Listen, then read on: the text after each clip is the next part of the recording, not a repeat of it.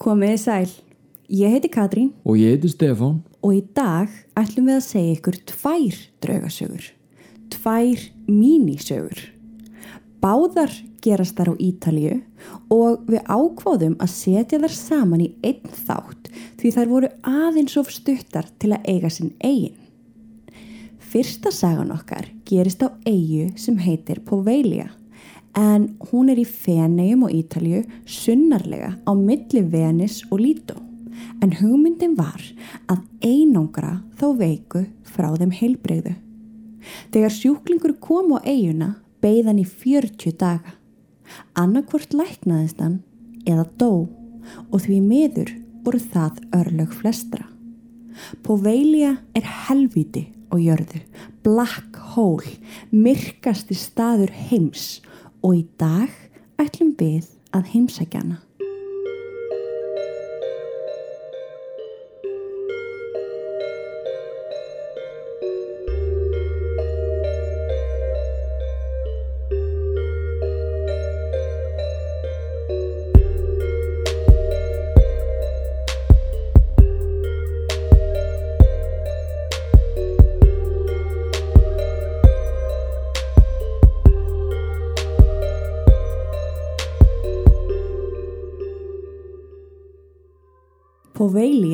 er talin bölfuð og dularfull eiga vegna þess hversu margir óútskýranleir sögulegir atbyrðir hafa átt sér þar stað og út frá því fekk hún mannorð sitt sem myrkasti staður Fenejarlónsins eða helviti á jörðu. Draugasögurnar byrjuðu þegar að svarti dauði fór yfir Evrópu á 14. öld og draf miljónir manna. Oft á innan við viku var þessi pláa búin að þurka út heilu og hálfu bæina. Við erum að tala um 50 miljónir manna letu lífið í heiminum eða einn þriðji af Evrópu. Svarti dauði var sjúkdómur þar sem smitaðir einstaklingar þjáðust mikið en dóið þó fljótt. Oftast tók það ekki meira en fimm daga. Helstu enginni voru hár hiti, hausverkur, uppköst og bólginir eitlar og á þessum tíma voru 10% líkur á að lifa af. Ítalar ákváðu þarna að nýta på veilja eiguna undir sjúklinga. Fólk var sendangað til að deyja. Meiri segja þeir sem síndu minnstu veikindamerki voru sendir þangað í svo kallað sóttkví. Örfáir snýru aftur, ef einhver. Læknar sem fluttu sjúklinga á eiguna og þeir sem störfuðu þar báru grímu sem flestir kannast eflust við. Gríman er hvít með löngu nefi. Þeir fylgdu grímuna með lækningajurtum til þess að smitast ekki sjálfur. Eins voru þessar jurtir brendar reglulega á eigunni til þess að reynsa síkt andrumsloft. 160.000 manns týndu lífi sínu á eiginni. Lík voru skilin eftir á gödum síðan var þeim sapnað saman reglulega og þá brend og að lokum var öskunni dreift í fjöldagrafir. Það var fólk í vinnu við það að sapna saman líkum allan daginn án þess að taka pásu. Þeir sem voru of veikir til þess að reyfa sig eða mótmæla voru taldir dauðir og þeim var hend levandi í fjöldagrafirnar. Þegar ein fjöldagröfin fylltist var gröfið önnur. Eian var einn stór kirkjugarður og jarðvegurinn þarna í dag er 60% aska og mannabein. Ítalir forðast eiguna og í áratugi hafa ítalskil foreldrar hrætt börnin sín að ef þau hægi sér ekki er þau send á eiguna til vonda læknisins svipað á Íslendinga gerði hérna í gamla daga með grílu. Mm -hmm. Heimamenn segja að þegar glæbamenn og verstu þegnar samfélagsins deyja vakni sál þeirra á Povelia. Eigan er bókstaflega skilgreining á helvíti. Veiðimenn taka stóran sveig fram hjá eiginni og þeir sem hafa prófað að veiða þar í kring segja að það sé ekkert líf og engan fisk að fá. En þá finnast bein í fiskinetum heimamanna og reglulega skólast þau í fjöruna. Samkvæmt sögulegum heimildum var eigin á þessum tíma einnig notuð sem vettvangur fyrir aftöku glæpamanna sem venjulega voru drefnir með því að vera drekt. Síðan voru þeir brendir á eiginni líkt og sjúklingarnir. En þetta er ekki ræðilegasti hluti sögunar. Árið 1922 hófust svo framkvæmdir á byggingunum og ætlunin var að búa til elli heimili til þess að hýsa aldraða eða þannig kemur það út í skjálasafni sveitarfélagsins. Enguða síður ef markam á húsgögnin sem voru til staðar inn í byggingunni og eru ennþar í dag má sjá að eigin var notuð sem geðsjúkrahús. Um leið og einstaklingur greindist með geðsjúkdóm var hann fluttur til Povelia og þar var engin möguleiki á endurhæfingu og engin snýri tilbaka. Eina markmiðið með nýri nótkunn eigunar var að einangra þetta fólk aðgreina það frá samfélaginu. Mikilvægt er að hafa í huga að öll hegðun eða hugsunarháttur sem var frá brugðin því sem þótti eðlilegt á þessum tíma var talin geðröskun. Ef þú passaður ekki fullkomlega inn í samfélagið þá var eitthvað að þér þannig að í rauninni hver sem er gæti verið skilgrindur sem geðveikur og lokaður inni. Sögur segja að sjúklingar á geðsjúkrahúsinu hafið sér undarlega skugga læðast á göngunum og inn í herbergjónum. Líklega andar þeirra sem dóur svartadauða á eiginu hér árum áður. En þeir sá ekki bara skugga, heldur gáttu þeir varla sofið á nóttunu vegna óljóða. Grátur og öskur sem ómuðu um bygginguna og heldu fyrir þeim vögu en þegar sjúklingar myndust og þetta við lækna var þeim augljóslega ekki trúað. Sjúklingar voru látnir sæta pyntingum og talið er að satanískur læknir hafi gert tilraunir á þeim. Drepið og aflimað þá veikustu og prófað sig áfram með lobaramís aðgerðum. Já, lobarami er heila ástunga sem við höfum talað um í þættinum okkar Crescent Hotel og Transallegeni til dæmis þegar læknar komu fyrir stórri nál undir öðru kvoru auglokinu á sjúklingi og hömruði gegnum heilan í vonum að rjúfa tengingu framheilans sem stjórn á tilfinningum og átti það að lækna fólk af geðsjúkdómum. Flestir dói við aðgerina en þeir örfáu sem lifðu hana af örðu gjössamlega ótengt og voru þá með þroska á við smábörn en hann taldi að þessi grimma aðgerð var í frábær leið til þess að meðhandla og lækna geðsjúkdama og auðvitað var hún framkvæmt með bor og án deyfingar. Þetta er ekkert fyrst eða síðasti lækninu sem gerði þetta. Nei, nei, þeir voru fjölmargir á þessum tíma. Hryllingur. Læknirinn átti þó ekki sjö dagan að sæla eftir að hafa drepið sjúklingatrekk í trekk.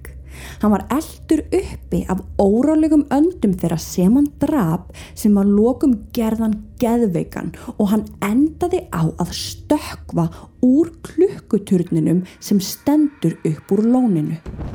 Þeir sem urðu vittni af sjálfsmorði læknisins segja að hann hafi ekki drepist þegar hann fjall til jarðar á harða steipu.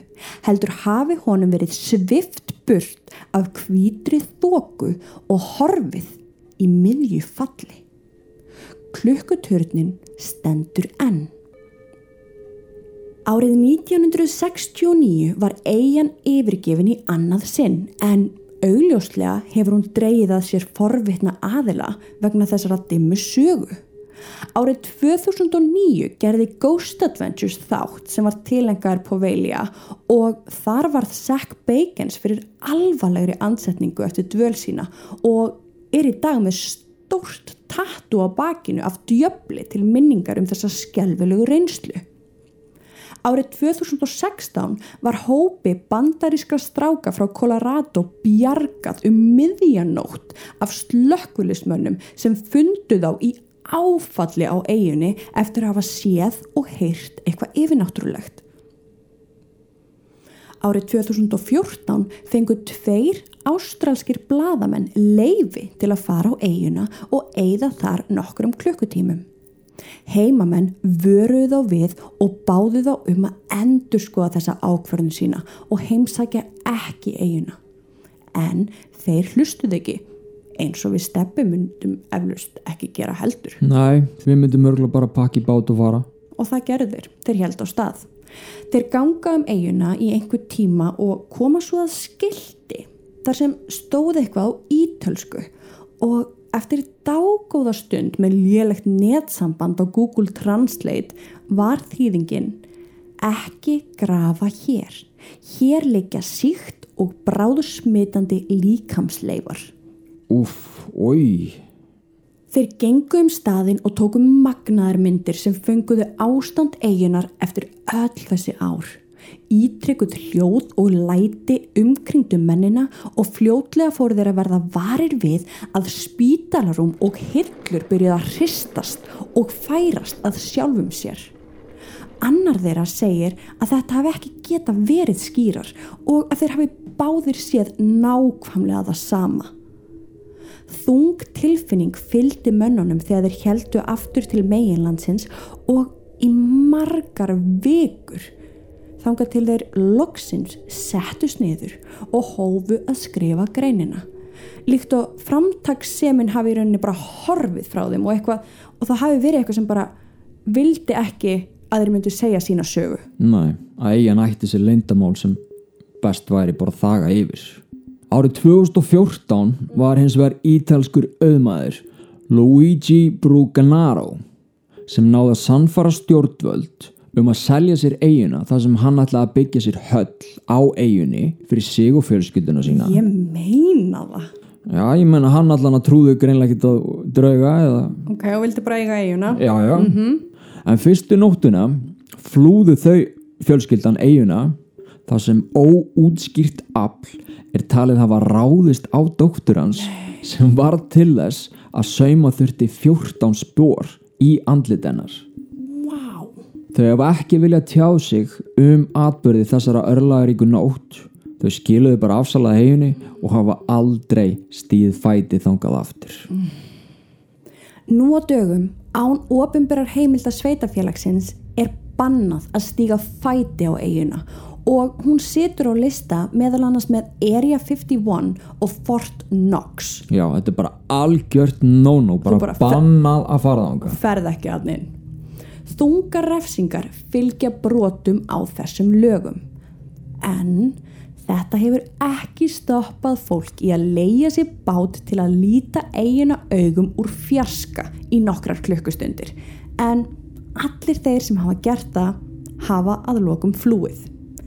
Tilfinningin er svo yfirþyrmandi, öskrin óbærileg, skuggaverur bregða þér og lyktin af rótnuðum líkum er allsráðandi. Engar ofinbærar skrár eru til um alla söguna en fólk hefur talað í gegnum kynnslóðir og þannig hefur sagan þróast. Enga síður þeir fáu sem ákváðu að frista gæfunar og heimsækja eiguna hafa aldrei viljað stíga fæti á hana aftur. Eiguna sem enginn yfirgaf lifandi. Önnur sagan okkar í dag gerist líka á Ítalíu um 600 kílometrum sunnar við því fræga leik Como en þar stendur gríðarstort hús. Heimamenn kalla þetta hús Casa Rosa eða Rauðahúsið og þetta er líka stundum kallað Nortnahöllin. Húsið stendur í eyði og það er óhugulegt að sjá, svo litið eins og það hafi verið tekið beint úr hryllingsmynd. Við skulum setja mynd af því inn á draugarsögur.com því það er öruglega öðruvísi en þeirra ímynd ykkur núna. Þetta er risastórt hús og eitt sinn var þetta tegnalegasta húsi við vatnið. Jörðina átti Count Felix Davetti einna framlínumönnum ítalska þjóðöryggisliðsins. Hann var heiðraður sem þjóðar hetja fyrir að hafa eitt síns liðis frelsað Mílanóborg frá hernámi Austuríkis. Húsið var hannað og reist á árunum 1854 til 1857 af arkitektnum Alessandro Sidoli sem sumarhús fyrir þjóðarhetjuna sem fyrirskipaði að húsið erði byggt í barokkstíl með austurlensku ífavi. Alessandro, arkitektin, sáða hins vegar aldrei fullklára því hann lést við framkvæmdunar. En þó að hann hafi dáið var húsið samt á endanum klárað og var það búið öllum þeim þægindum sem hægtur að fá á þessum tíma. Það var upphittað með pípulögnum, rennandi vatni og stórum gósbrunn fyrir framann húsið. Þetta er auðvitað allt eitthvað sem við teljum sjálfsagt í dag, fyrir utan kannski gósbrunnin, en á þessum tíma bjó aðeins konungsfólk og embættismenn við þennan lúksus. Húsið var hitt glæsilegasta. Einn daginn árið 1862 þegar De Vecchi snýri heima húsinu ríkti ákveðin fegurð yfir lóðinni. Sumarið var á enda og ferskur blærin frá vatninu virtist færa ró yfir huga hans. Hann gengur inn í húsið og kallar á konuna sína. Hann fær ekkert svar. Honum fannst húsið óvenjulega þögult og kallar aftur. En aftur kemur ekkert svar. Hann gengur um neðri hæðina og kemur þar að konu sinni liggjandi á gólfinu í blóði sínu. Blóðslettur voru út um alla veggi. Öllum húsgögnum hafi verið snúið á kvolf og meiri hlutan var búið að eiðilegja. Í skelvingu sinni byrjar hann að kalla á dóttur sína sem átt að vera heima líka. Hann hleypur út um allt húsið styrlaður af hræðslu og öskrar nafn dóttur sinnar en hann fær engin svör. Hann fær því næst út og leitar í kringum húsið en ekkert, hún var horfin. Í heilt ár leitar hann ásamt mönnum sínum að dóttur sinni dag og nótt. Hann slefti ekki úr einum degi. Hann gerði ekkert annað. Hann leitaði og leitaði þánga til að lokum. Hann gafst upp. Þunglindur og sorgmætur gengur hann inn í húsið. Hann var einn eftir. Konan hans hafði verið myrt og dóttur hans hafði bókstaflega horfið af yfirborði jarðar. Húsið sem eitt sem var fallegt heimili var núna dimmt og reikfallið. Sorgin var of mikil, hann gat ekki lifað án fjölskyldu sinnar og þarna inn á sínum virðulega heimili tók hann lífsitt á sama stað og konunans tók sína síðustu andadrætti. Þetta er rosalega saga. Þetta er rosalegt, maður getur eftir ímynda sér bara þennan óhug sem maður kemur að þarna í húsinu. Sko ég veit að við náttúrulega segjum draugasögur en ef ég bara svona aðeins út í kræm, mm -hmm. hvað gerðist? Akkurat. Ok, dótturinn fannst ekki en hvað fannst aldrei hver draf konunans? Nei, það fannst aldrei, en hann var náttúrulega átti marga óvinni, hann var í þessu pólitísku dæmið þar sem að það voru margir ósamálunum, margir á mótunum. Þannig það leit út eins og þetta væri svolítið pólitíst, þetta væri svolítið bara að hefna sín á honum og fjölskyldu hans. Já, þetta er rosalegt Biago, bróðir De Vecchi tekur við húsinu eftir dauðans og búa hann og afkomundur hans þar næstu 50 árin þannig að þetta bara fer frá fjölskyldu til þeirra næstu til þeirra Já. næstu þar til fjölskyldan fær loksins að nóg og flytur þaðan út og af hverju fenguðu nóg? Jú, ástæðan var svo að draugagangurinn inn í húsinu var svo mikill og hann hafði magnast orðið meiri og meiri með hverri kynsluð. Að lokum fann fjölskyldan sig knúna að yfirgefa það einan nótt. Þau skildu allt eftir, húsgögn, född, skart, myndir, mat, gjör sannlega allt. Þau bókstala bara vöknuðu einu nóttuna og fóru og þau sóru að snúa aldrei þangað aftur nýja nefna þá atbyrði ofinberlega sem hafðu hent fjölskyldunar í öll þessi ár. Og þetta er ekkert nýtt. Við nei. höfum alveg einmitt verið með sögur þar sem einmitt fólk bara vaknar og fer út og skilur allt eftir. -hmm. og við höfum ekki hugmynd um þann, þú veist, hrylling sem þetta fólk bjó við öll þessi ár það eru engar heimildir, einungi sögusagnir á milli manna þannig við veitum ekki hvort að þau hafi bara verið hrellt allt sitt líf bara Einmitt. í húsinu í þessi 50 ár Einmitt. og svo allt í hennu bara, nei, nú er bara komið nóg Að það, hefur- allavega eitthvað gert útslægið. já, akkurat, hvað var það? Við veitum það ekki. Húsið stóð því tómt í áratugi og enginn kallaði það heimili nema rottur, snákar og tíndar sálir. Þar til einn daginn kemur Aleister Crowley, alnræmdur djöfladyrkandi og sumir segja köldfóringi og sest að í húsinu ásamt lærisveinum sínum.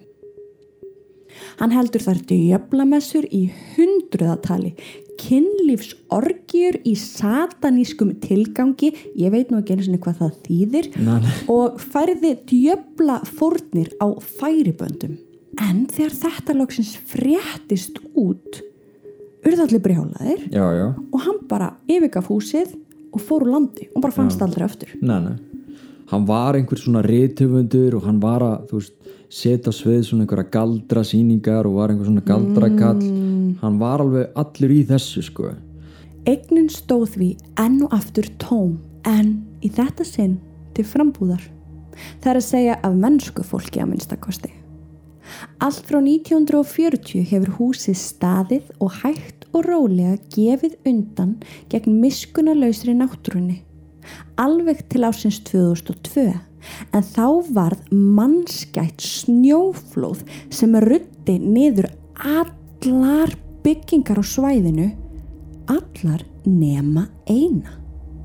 Villa de Vecchi stóð sem fastast og engu líkara en að ósýnilegur hjúpur hafi venda bygginguna gegn skæðum sköflunum. Við erum að tala um sko að þetta var, er það ekki eins og bara snjóflóði skilur kemur niður og það bara, þau, þau tók eða bara svona, svona Jú. sveigju sitt hverju megin við húsið. einmitt, þetta var bara eins og að það var einhver hula bara yfir húsinu Það meika bara engan Nei, sens. akkurat Þannig að hvað er málið? Það er eitthvað þarna sem að, sem að náttúran ekki eins og getur áður við Með tilkomi paranormal rannsakanda flyktust þeir í tugatali að húsinum árabil og heyra margir kvennmanns rödd skipa þeim að fara úr húsinu og þung tilfinning yfirgnæfir alla sem hafa vogað sér inn og margir hverjir verið vikur að jafna sig eftir þessa heimsókn.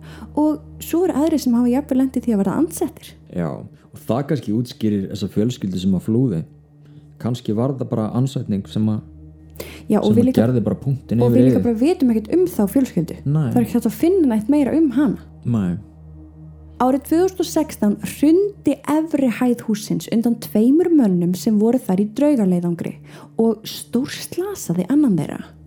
Yfirvöld tóku þá ákverðun um að bolta fyrir alla enganga og glugga svo enginn kæmist þar inn því að það var orðið nokkuð ljóst að það ætlaði enginn að eiga heima þarna framar. Það var enginn að fara að kaupa húsið. Nei, þar sem að endurbætur myndi bara kosta morðfjár. Og svo náttúrulega þessi hryllilega saga um morð, sjálfsvíg og drauga hrætti fólk í burtu. Og síðast en ekki síst, það var staðsetningin alls ekki góð út á snjóflóðahættu þannig að þetta var ekki skinsum fjárfesting fyrir neitt, nei, þó húsið sé ofbóðslega fallegt. Það er það, þetta er hið glæsilegasta. Við verðum að sjá mynda af þessu þetta er bara ofbóðslega fallegt hús. Ég var einhvern veginn búin að ímynda mig bara svona kofa. Já, já, nei, nei, þetta, þetta er bara höll bara þarna í miðjum skójunum Þó húsgögnum hafi verið stólið, veggja krót þekin úr veggina og flíðlinn hafi verið mölvaður og allir strengina slitnir, heyrist ennþá píanóleikur koma innan úr harðlæstu, mannlausu húsinu. Við vonum að þið hafi haft gaman að því að kíkja til Ítalíu með okkur í dag. Ef þú ert áskrifandi þá getur þú nú farið beint að hlusta á draugasöguna um Queen Mary sem kom út í dag inn á Patreon. Ef þú farið ekki nóg af draugasögum en ert ekki orðin áskrifandi þá getur þú skráðið inn á patreon.com skástrygg draugasögur.